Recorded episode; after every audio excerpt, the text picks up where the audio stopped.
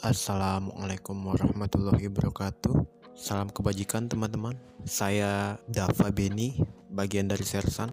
Dalam beberapa bulan belakangan ini Sersan pasif ya teman-teman ya, karena beberapa alasan baik itu internal dan eksternal dari diri kita sendiri. Maksudnya kita sebagai kru dari Sersan, saya, Bang Monas dan Asmar Nisa dan alasannya itu cukup kompleks.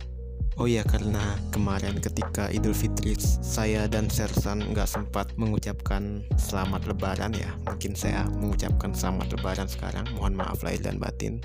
Takobalallahu minna wa minkum. Bagi teman-teman muslim Dan secara keseluruhan pendengar Sersan. Oh iya ngomong-ngomong tentang muslim Tentang Islam kami dari Sersan secara khusus saya saya pribadi Dava Beni karena sekarang yang untuk satu podcast ini yang megang saya saya kepikiran untuk ngangkat tema yang nggak jauh dari Islam karena kebetulan kan masih kemarin masih suasana lebaran ya jadi teman-teman pada episode kali ini saya akan membahas tentang syarikat Islam, pemikiran kiri, dan Cokro Aminot. Saya rasa teman-teman pernah melihat gambar Cokro Aminoto atau mendengar nama Cokro Aminoto yang jelas beliau ikonik dengan foto dia yang dengan kumis yang panjang. Beliau adalah seorang bangsawan dan intelektual yang menggerakkan syarikat Islam hingga dia menjadi ketua syarikat Islam hingga kematian.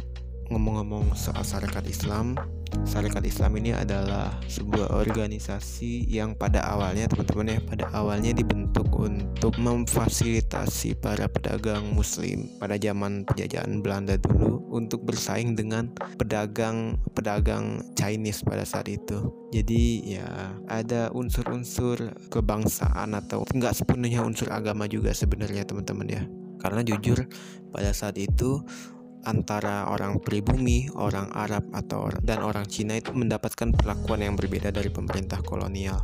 Dan pada saat itu eh, orang-orang Tionghoa, pedagang Tionghoa itu mendapatkan eh, banyak yang bilang bahwa pada saat itu pedagang Tionghoa lebih mendapatkan keuntungan dari orang-orang Belanda dan pedagang Arab itu biasanya lebih berbaur dengan pedagang pribumi mungkin karena sama-sama muslim mungkin ya jadi awalnya bernama Syarikat Dagang Islam lalu dia bernama syarikat Islam. Hmm, ngomong-ngomong tentang Cokro Aminoto, kalau di budaya populer ya teman-teman ya, kan ada tahun dulu tahun berapa ya? Saya nggak inget 2000, eh 2000 belasan juga film tentang Soekarno yang ada pemerannya. Saya nggak tahu nama pemerannya juga sih. Pokoknya ada salah satu scene di mana Soekarno itu uh, suatu masa mudanya dia nginap di di rumah salah satu tokoh gitu. Ah, maksud saya tinggal gitu kayak ngekos gitu kayak numpang tinggal gitu kan. Nah, jadi Soekarno tinggal bersama bapak ini daya bapak ini adalah Cokro Aminoto gitu. Aktivis Syarikat Islam dan Soekarno tinggal bersama-sama dua orang yang kelak akan dikenal dalam sejarah Indonesia yaitu Muso dan Kartosuwiryo dan mereka sama-sama tinggal bersama Cokro Aminoto. Dan menariknya teman-teman ya, kelak Soekarno ini akan menjadi ya seorang nasionalis, seorang tokoh PNI, tokoh proklamator. Ya kesan nasionalisnya sangat kuat. Uh, dan Kartosuwiryo adalah orang yang memperjuangkan Darul Islam dan tentara Islam Indonesia-nya. Uh, dan uh, Muso kelak akan memimpin pemberontakan PKI di Madiun menggerakkan PKI di Madiun pada saat itu. Jadi menarik ya dari uh, rumah si Cokro Aminoto ini yang yang adalah aktivis syarikat Islam. Kelak akan tumbuh tiga orang pemuda yang kelak akan menjadi tokoh yang uh, memiliki jalan yang jauh berbeda. Satu mungkin ke tengah satu ekstrem kiri satu ekstrem kanan gitu. Itu menarik gitu sih. Nah yang yang juga bikin saya tertarik untuk bahas Cokro Aminoto ini ada satu kesamaan antara beliau masa beliau dengan masa sekarang masa 2016 17 ya 2010-an inilah uh, yaitu Cokro Aminoto ini sempat naik namanya karena memimpin pember memimpin uh, protes terhadap tulisan yang dianggap menistakan agama Islam dan Nabi Muhammad gitu. Apakah teman-teman sudah mulai merasa relate? Ya, seperti itulah. Seperti jadi uh, si Cokro Aminoto ini memimpin suatu apa suatu laskar atau suatu gerakan atau apalah gitu pokoknya namanya tentara kanjeng nabi ini melakukan unjuk rasa protes untuk menuntut uh, si uh, pemilik media yang di mana di media itu ditulis uh, bahwa Nabi Muhammad minum ciu dan uh, minum ciu minuman keras kan dan mengkonsumsi opium. Jadi itulah yang dituntut tentara Kanjeng Nabi ini dengan Cokro Aminoto untuk supaya orang orang ini media ini diproses hukum. Ya nggak jauh beda dengan kasus Ahok dan yang diprotes oleh 212 gitu. Jadi menarik kita bisa kita bisa bahas banyak hal dari sini. Dan salah satu nah ini asik teman-teman menarik. Kenapa saya mengagumi uh, selain mengagumi saya sebenarnya mengagumi banyak orang ya banyak tokoh. Cokro Aminoto ini selalu ingat selalu kepikiran nama saya karena dia bisa dibilang tanda dalam tanda kutip mengawinkan antara Islam dan sosialisme. Atau mungkin bukan mengawinkan ya cuma dia uh, dalam statement-statement dia dia menyatakan bahwa ada nilai-nilai sosialisme pada Islam. Terkait sosialisme ini beliau nggak main-main karena beliau sampai nulis buku ya. Si Bang Monas punya tuh Islam dan sosialisme. Dan bahkan uh, oh ya Buya Ham saya ini saya baca dari Tirto ya.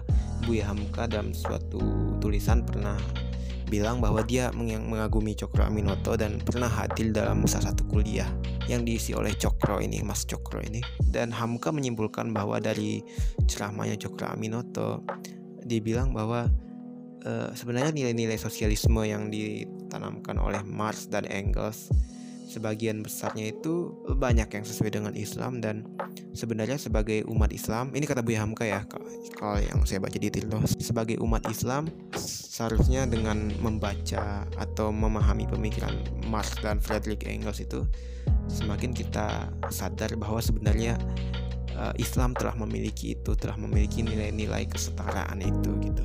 Kita perlu berterima kasih kepada Marx dan Engels uh, bahwa uh, karena mereka telah menyadarkan kita kembali akan sosialisme yang sebenarnya sudah ada di nilai-nilainya di agama kita. Meskipun uh, enggak sepenuhnya uh, semua pernyataan Engels dan Marx itu sesuai dengan Islam. Karena Engels dan Marx itu orangnya materialis gitu. Hanya percaya kepada hal-hal yang bersifat materi berbeda dengan Islam yang meyakini akan Tuhan yang semuanya berasa apa diciptakan oleh Tuhan seperti itu uh, dan di antara salah di antara orang-orang yang terpengaruh oleh Jokro Aminoto ada, ada di antara itu itu Semaun ya. Semaun ini kelak akan menjadi tokoh PKI. Jadi uh, Semaun ini ketika bertemu dengan Cokro beliau si Semaun ini adalah pemuda, seorang pemuda yang bergaul gitu, bergaul sama seorang seorang Belanda di Indonesia gitu nama orang Belanda nih Hank Neville. Nah, Hank Neville ini ketika itu membentuk organisasi sosialis. Jadi si si Semaun ini bergaul sama si Snellfield yang terpengaruh sosialis dan juga dia bergabung apa bergaul sama dia berguru sama Cokro gitu. Semaun ini bergaul dengan Cokro yang yang Muslim gitu. Dan Semaun terus mengakui bahwa dia terpengaruh oleh pemikiran Cokro Aminoto dan juga di samping Snellfield yang sosialis dan Semaun akhirnya bergabung dengan Syarikat Islam. Karena terlepas apakah dia seorang muslim taat atau tidak tapi ya bisa jadi uh, pokoknya dia kalau ditanya identitas mungkin ya Islam gitu. Mungkin ya kita nggak tahu apa dia Islam KTP atau Islam beneran Islam taat gitu kan karena di apa pada masyarakat Jawa ada istilah orang abangan. Orang abangan ini adalah orang-orang yang mereka sering bilang bahwa mereka tuh Islam atau orang-orang Belanda sering mengkategorikan mereka sebagai Islam. Tapi sebenarnya mereka juga masih percaya ke kepercayaan lama seperti animisme apa kepercayaan kepada leluhur dan juga mungkin mereka mereka sebenarnya nggak sholat tapi tetap digolongkannya sebagai Islam karena Islam memiliki pengaruh kuat di Jawa gitu melalui Wali Songo. Dan Semaun menjadi salah satu contoh betapa tokoh-tokoh kiri Semaun bersama Darsono bersama dan lain-lainnya dan Alimin juga ada di sana. Betapa tokoh-tokoh kiri pernah di syarikat Islam dan memiliki pengaruh kuat juga di syarikat Islam karena syarikat Islam di Semarang itu dan apalagi di syarikat Islam cabang Semarang itu itulah sarangnya uh, tokoh-tokoh Islam yang kiri yang kuat sosialismenya gitu. Ada suatu masa di mana syarikat Islam ini baik itu orang-orang kiri itu dan orang-orang yang nggak terlalu kiri ini bisa akur. Dan suatu ketika antara orang-orang kiri ini yaitu orang-orang di syarikat Islam Semarang merasa bertentangan dengan syarikat Islam di pusat itu. Oh iya syarikat pusat syarikat Islam ini pernah di Surabaya pernah di Yogyakarta gitu. Jadi antara Syarikat Islam Pusat dengan Syarikat Islam Semarang itu sempat bertentangan dan pertentangan itu. Ini akhirnya menyebabkan perpecahan organisasi gitu. Jadi anggota-anggota Syarikat Islam Merah eh istilahnya istilah lainnya Islam Merah yang buat orang-orang kiri ini. Syarikat Islam Merah ini menuding bahwa Cokro Aminoto menggelapkan dana Syarikat Islam gitu. Uh, itu salah satu faktor perpecahan dan juga uh, di antara Islam Merah ini banyak yang juga merangkap bergabung di organisasi sosialis ya apa ISD eh mungkin kalau nggak salah mereka bergabung di ISDV namanya gitu. Organisasi sosialis selain bergabung dengan Syarikat Islam. Dan Agus Salim pada saat itu Agus Salim ini tokoh Syarikat Islam juga ya teman-teman ya. Tapi dia kayak jaga jarak gitu sama tokoh-tokoh Syarikat Islam merah gitu. Uh, Agus Salim menerapkan bahwa anggota Syarikat Islam ini harus harus disiplin partai gitu. Dalam artian nggak boleh rangkap keanggotaan dengan organisasi lain gitu disiplin organisasi dan pada akhirnya uh, perpecahan ini berujung pada ya Sarekat Islam Merah para anggotanya ya Semaun, Alimin, Darsono itu keluar dari Sarekat Islam uh, dan mereka membentuk Partai Komunis Hindia yang kelak akan menjadi namanya Partai Komunis Indonesia. Oh iya, Tan Malaka juga pernah di Sarekat Islam dan juga pernah di PKI. Ya cukup panjang ya saya ceritain sejarah Cokro Aminoto dan Syarikat Islam ini nggak panjang sih cuma untuk ukuran podcast ya lumayan lama lah gitu ya. Sebenarnya wih jauh lagi sejarah beliau ini dan PKI dan Syarikat Islam segala macam ini ya. Dan mungkin kita langsung bahas uh, hubungan pada masa itu dengan masa sekarang teman-teman ya. Kayak uh, saya akan bahas kemiripan Cokro Aminoto dengan tokoh muslim sekarang. Itu dengan ya dengan adanya tentara kanjeng Nabi tadi gitu. Jadi beliau ini Cokro Aminoto ini uh, buat teman-teman yang ini ya yang ngaku Islam Islam kiri gitu ya yang kayak mungkin mengagumi Cokro Aminoto. Misalnya jangan kira bahwa Cokro Aminoto ini nggak nggak nggak melakukan apa yang dilakukan tokoh-tokoh Muslim sekarang yaitu kayak mem memobilisasi massa untuk uh, memberantas penis ya, apa yang dianggap penistaan agama pada saat itu. Ya itu yang seperti yang sudah saya sebutkan sebelum sebelumnya bahwa mirip sama 212 sekarang. Dan memang eh, pada saat itu Cokro Aminoto namanya semakin naik setelah dia memimpin tentara kanjeng Nabi ini yaitu eh, kelompok yang menentang penistaan agama ini. Jadi namanya semakin naik dan dia semakin dapat perhatian dari masa syarikat Islam. Jadi nggak jauh beda sama 212 kemarin di mana pak kayak para tokoh-tokoh muslim ya banyak lah ya nggak satu. Akhirnya namanya semakin naik gitu. Dan uh, orang-orang Islam semakin bersatu gitu. Begitu juga pada saat itu. Nah tapi ada satu perbedaan yang cukup mencolok nih teman-teman antara Cokro Aminoto dengan syarikat Islamnya pada saat itu dengan pergerakan Muslim pada zaman sekarang gitu itu jadi kalau pada zaman dulu ya uh, beliau itu Cokro Aminoto bersama Sarekat Islamnya nggak gampang bilang ini komunis ini sosialis ini kafir itu kafir itu nggak usah kita kita ikutin. Itu pemikiran pemikiran orang barat jangan kita ikutin jangan kita dengerin. Beliau nggak seperti itu gitu jadi uh, apa yang telah dibentuk oleh orang barat ya dalam hal ini Frederick Engels dan Marx itu beliau ambil positifnya dan beliau bilang bahwa sebenarnya kita orang Islam perlu bersyukur gitu. Ini buat teman-teman yang Islam ya kebetulan saya juga Islam ya. Perlu bersyukur bahwa sebenarnya Islam telah memiliki nilai-nilai yang telah disampaikan orang-orang Barat ini.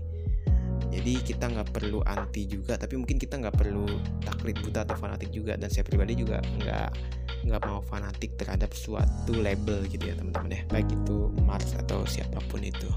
Nah di sinilah menariknya teman-teman. Kira-kira kenapa sih kayak Cokro Aminoto lebih kompromi gitu sama pemikiran-pemikiran dalam tanda kutip yang dari orang kafir gitu? Pemikiran-pemikiran dari barat. Sedangkan dia pemimpin syarikat Islam yang sempat uh, sempet bertentangan sama bukan bertentangan ya sempet kayak ada persaingan dengan pedagang Tionghoa yang yang notabene adalah dalam tanda kutip orang asing dan dalam tanda kutip kafir gitu tapi dia mengakui gitu mengakui kecerdasan Frederick Engels dan Karl Marx meskipun dia dia juga mengakui bahwa tidak semua dari pendapat mereka sesuai dengan Islam gitu. Jadi satu mungkin karena pada saat itu di antara orang-orang pergerakan ya teman-teman yang baik itu berbasis Islam, berbasis komunis, berbasis sosialis, baik itu yang buah agama, baik itu yang sekuler itu memiliki musuh yang sama yaitu kolonialisme pada saat itu. Itu Belanda yang uh, feodal yang penindas lah gitu ya uh, Belanda pada saat itu. Jadi uh, memang pada saat itu yang radikal organisasi yang dibentuk orang-orang pribumi yang radikal ya masyarakat Islam itu yang berani tegas pada Belanda. Tapi pada akhirnya karena karena banyaknya anggota masyarakat Islam ini dan kuatnya pengaruhnya akhirnya Belanda melunak dan Belanda mau kayak berdiplomasi itu sama masyarakat Islam. Karena saat itu ada musuh yang sama ya teman-teman ya kolonialisme. Oh ya salah satu menariknya ya kan masyarakat Islam ini pada awalnya uh, banyak di banyak dimotori oleh orang Jawa nih. Paling yang yang di luar Jawa kayak Agus Salim itu di luar orang Jawa ya. Abdul Muiz orang Minang Agus Salim orang Minang. Cuma kayak uh, tokoh syarikat dagang Islam itu tuh adalah di antaranya Tirto Adi Suryo itu dia seorang jurnalis dan dia tokoh syarikat dagang Islam. Kalau nggak salah di pendirinya pendiri syarikat dagang Islam. Uh, Saman Hudi dan uh, dan Cokro Aminoto dan beberapa tokoh Jawa lainnya yang memiliki pengaruh kuat di syarikat Islam. Tapi mereka nggak walaupun di antara mereka ada yang bangsawan yaitu Cokro Aminoto itu, itu, itu adalah bangsawan Jawa tapi yang mereka tunjukkan di situ bukanlah Jawanya mereka gitu. Jadi itulah kenapa pada saat itu syarikat Islam syarikat Islam bisa menarik masa banyak untuk jadi anggota mereka gitu. Karena mereka juga radikal mereka berani tegas kepada kolonial waktu itu. Sedangkan pada saat itu ada juga organisasi yang banyak dimotori oleh, oleh orang Jawa dan mungkin juga khusus Jawa ya saya nggak nggak terlalu banyak baca tentang ini ya. Itu Budi Utomo pada saat itu. Budi Utomo ini kan kan dijadiin kelahiran Budi Utomo dijadiin hari pergerakan nasional. Sebenarnya kalau saya pernah dengar ya kalau Budi Utomo ini sebenarnya nggak terlalu radikal ke Belanda gitu. Dan juga dia memiliki semangat kesukuan semangat kejawaan yang tinggi gitu. Itu sejauh pengetahuan saya teman-teman. Ya mungkin bagi teman-teman yang mau mengkritik atau menanggapi ya bisa hubungi Sersan bisa hubungi sosial medianya Sersan. Jadi kita dapat kesimpulan ya teman-teman kayaknya pergerakan yang nggak terlalu membawa identitas kesukuan tuh kayaknya lebih lebih bisa memancing masa yang nasional masa yang keseluruhan gitu. Oh iya dan juga masyarakat Islam ini mampu gitu menarik perhatian orang-orang dari kalangan akar rumput gitu dari kelas pekerja dari yang bukan bangsawan dari yang miskin gitu untuk bersimpati kepada mereka gitu dan uh, orang-orang kiri kan juga begitu. Uh, sedangkan Budi Utomo ya kebanyakan isinya bangsawan Jawa sih yang saya tahu ya. Yang poin kedua yaitu kenapa bisa seperti itu? Mungkin karena saat itu belum ada gesekan fisik antara PKI dan Muslim sebagai entitas sosial dan politik gitu. Ya paling pada saat itu kan gesekannya kayak perbedaan pendapat gitu antara Syarikat Islam pusat dengan Syarikat Islam Semarang gitu. Perbedaan pendapat Syarikat Islam Semarang curiga sama Cokro Aminoto bahwa Cokro Aminoto waktu itu korupsi menggelapkan dana gitu-gitu ya teman-teman ya. Tapi sebenarnya uh, apakah Cokro Aminoto beneran, beneran korupsi atau menggelapkan dana itu sebenarnya belum bisa dibuktikan tuduhan korupsinya. Nah, sedangkan pada zaman kita sekarang ya teman-teman ya, kenapa mungkin itulah kita bisa memaklumi juga kenapa banyak tokoh muslim dan juga orang muslim anti terhadap PKI dan orang-orang kiri dan komunis dan sosialis dan segala macam itu karena emang udah ada gesekan fisik antara PKI dengan uh, muslim gitu kayak bisa di tragedi Madiun gitu. Uh, dan juga uh, selain kelihatan di akar rumput ya teman-teman ya dan kelihatan juga di, di petinggi-petinggi mereka di mana pada saat itu partai pada tahun-tahun ini ya pada tahun-tahun menjelang 65 partai yang kuat itu Islam itu kan Masyumi dan Masyumi itu bertentangan kuat dengan PKI gitu. Dan juga pada setelah Masyumi bubar uh, PKI bertentangannya dengan NU dan itu pun pasca pasca tragedi 65 itu yang PKI uh, eh, diduga kuat uh, terlibat dalam hal itu gitu. Jadi ya itulah yang menyebabkan mungkin ya uh, pada saat ini orang lebih takut gitu pada semua yang berbau PKI, kiri, Mars segala macam gitu karena udah udah melibat melibatkan darah gitu ya teman-teman ya. Oh iya terus juga jangan lupa tragedi Kanigoro itu ya emang benar uh, simpatisan PKI gitu menyerang orang-orang muslim yang lagi pelatihan keagamaan gitu. Jadi ya bisa dimaklumi ya karena trauma masa lalu. Tapi menariknya ya teman-teman ya uh, kan iya trauma masa lalu masuk akal ya itu yang membuat orang takut gitu. Tapi sebenarnya uh, mungkin kita bisa membenci orang ya tapi kita bukan berarti uh, membenci secara keseluruhan suatu pemikiran gitu. Sama uh, poin ketiga menurut saya apa yang bikin beda gitu itu pada saat itu belum ada internet ya teman-temannya. Dan uh, fenomena post truth itu belum memiliki pengaruh yang kuat. Post truth itu apa sih yang yang saya tahu ya? Saya kan kuliah di ilmu komunikasi nih. Post truth itu kayak uh, ketika suatu hal yang sebenarnya kebenarannya belum jelas tapi itu di di, di uh, diceritakan terus menerus disuntikan secara terus menerus ke masa masa akan menerima itu sebagai kebenaran. Nah itulah yang terjadi pada era internet zaman sekarang teman-teman di mana arus informasi itu sangat kuat gitu kan. Jadi kita kita sebagai netizen apa? Ya netizen ya istilahnya. Ya kita nggak dapat nggak dapat menyaring semuanya gitu yang mana yang benar-benar baik yang mana benar-benar otentik yang mana benar-benar jelas jelas kebenarannya yang mana yang sebenarnya nggak jelas benar atau enggak gitu. Yang mana yang yang mana yang hoax gitu. Kita nggak bisa menyaring 100% sehingga ya wajar kalau sekarang post truth itu lebih kuat. Jadi kalau kayak wajar kalau hantu PKI itu hantu komunisme itu sering dimuncul-munculkan ya karena ada info, arus informasi yang kuat itu tadi ya teman-teman ya. Bahkan kayak istilah PKI istilah komunis itu sekarang udah dipakai, dipakai untuk menjatuhkan lawan politik yang lain. Misalnya kayak pada saat itu pada saat uh, pilpres kemarin uh, Jokowi sering dibilang bahwa dia turunan PKI atau segala macam pada sebenarnya enggak gitu. Itu kan salah satu cara orang untuk memanfaatkan trauma masa lalu untuk uh, membenci suatu golongan yang berbeda dengan dia gitu. Ya saya rasa sudah cukup. Saya menjelaskan poin-poin tadi. Poin-poin yang membuat yang perbedaan antara Cokro Amin atau dengan tokoh-tokoh muslim sekarang. Tapi nggak tokoh muslim tokoh muslim sekarang yang secara keseluruhan ya mungkin yang banyak menonjol gitu. Jadi kesimpulannya ya teman-teman ya. Kesimpulannya adalah sebelum kita membenci sesuatu atau melabel melabeli sesuatu bahwa sesuatu itu buruk mungkin kita perlu mengetahuinya terlebih dahulu teman-teman nanti ap apakah kita akan mencap itu buruk atau baik? Yaitu ketika kita telah memahami itu secara utuh. Namun pada zaman sekarang kita sering melihat uh, orang-orang uh, belum mengetahui sesuatu secara utuh namun telah melabeli sesuatu itu sesuatu itu buruk. Jadi uh, kayak sebagai contoh ya teman-teman ya kayak orang bilang komunis bahaya atau oh bahaya laten komunis atau kebangkitan komunis.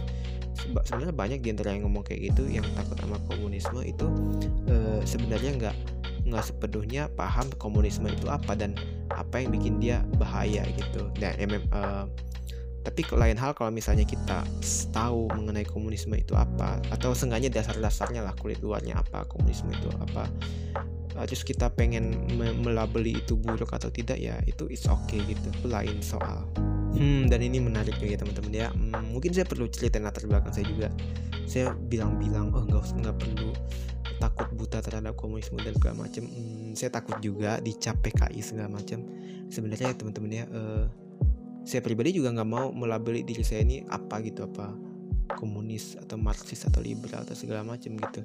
Tapi saya pribadi saya juga uh, sempat saya sering baca-baca tentang Marx, tentang sosialisme gitu uh, tapi kalau dibilang komunis sepertinya ya saya juga nggak bi bisa bilang iya atau enggak atau kalau saya di dibilang apakah saya liberal saya nggak bisa dibilang iya atau enggak gitu. Tapi kalau KTP ya saya Islam saya juga sholat gitu saya juga puasa meskipun ya ya saya nggak sholat raweh ya. Dan juga ngomong soal komunisme sosialisme saya sebenarnya nggak sepenuhnya suka juga sama komunisme gitu. Saya nggak sepenuhnya suka sama PKI karena saya juga kebetulan saya mengagumi Suhoki dan Suhoki uh, sering mengkritik PKI gitu. Karena uh, orang sering mengkritik komunisme karena ini sih karena prinsip uh, di mana ada orang yang bilang bahwa dalam komunisme baik itu yang yang malas atau rajin bekerja ya sama-sama mendapatkan keuntungan yang sama ya itu kata orang ya. Dan juga saya memiliki latar belakang uh, kakek saya justru simpatisan PRRI dulu uh, dan justru PRRI adalah lawannya lawannya PKI lawannya komunisme gitu. Jadi kenapa saya mau membahas ini? Membahas komunisme membahas sosialisme membahas Cokro Aminoto syarikat Islam dan segala macam intinya saya pengen uh, saya pengen pendengar sersan sadar kembali atau mungkin kita menyatukan semangat perdamaian kita bahwa kebencian tak berdasar itu sebenarnya nggak asik teman-teman. Seperti kita lihat kayak ya kebencian terhadap ya boleh benci PKI benci PKI karena tahu bahwa komunisme itu buruk komunisme itu bikin orang malas mungkin ya ada yang berpendapat seperti itu. Ya silakan tapi jangan sampai kebencian terhadap komunisme ini kebencian yang tidak berdasar dan pada akhirnya uh, istilah-istilah seperti PKI dan komunisme itu dipakai untuk memfitnah golongan lain yang dianggap berbeda gitu. Dan juga kayak saya tadi kan ngomongin Jokowi juga gitu Jokowi yang difitnah. Saya juga bukan seorang pendukung Jokowi saya saya sendiri nggak milih waktu pemilihan presiden kemarin. Ya saya sebenarnya rada berantakan ya uh, podcast saya sekarang karena uh, banyak banget yang saya pengen omongin cuma uh, jadi ngerapiinnya susah gitu bikin supaya memiliki pola yang jelasnya susah ya saya harap bermanfaat bagi teman-teman Salam kebajikan, panjang umur perjuangan. Assalamualaikum warahmatullahi wabarakatuh.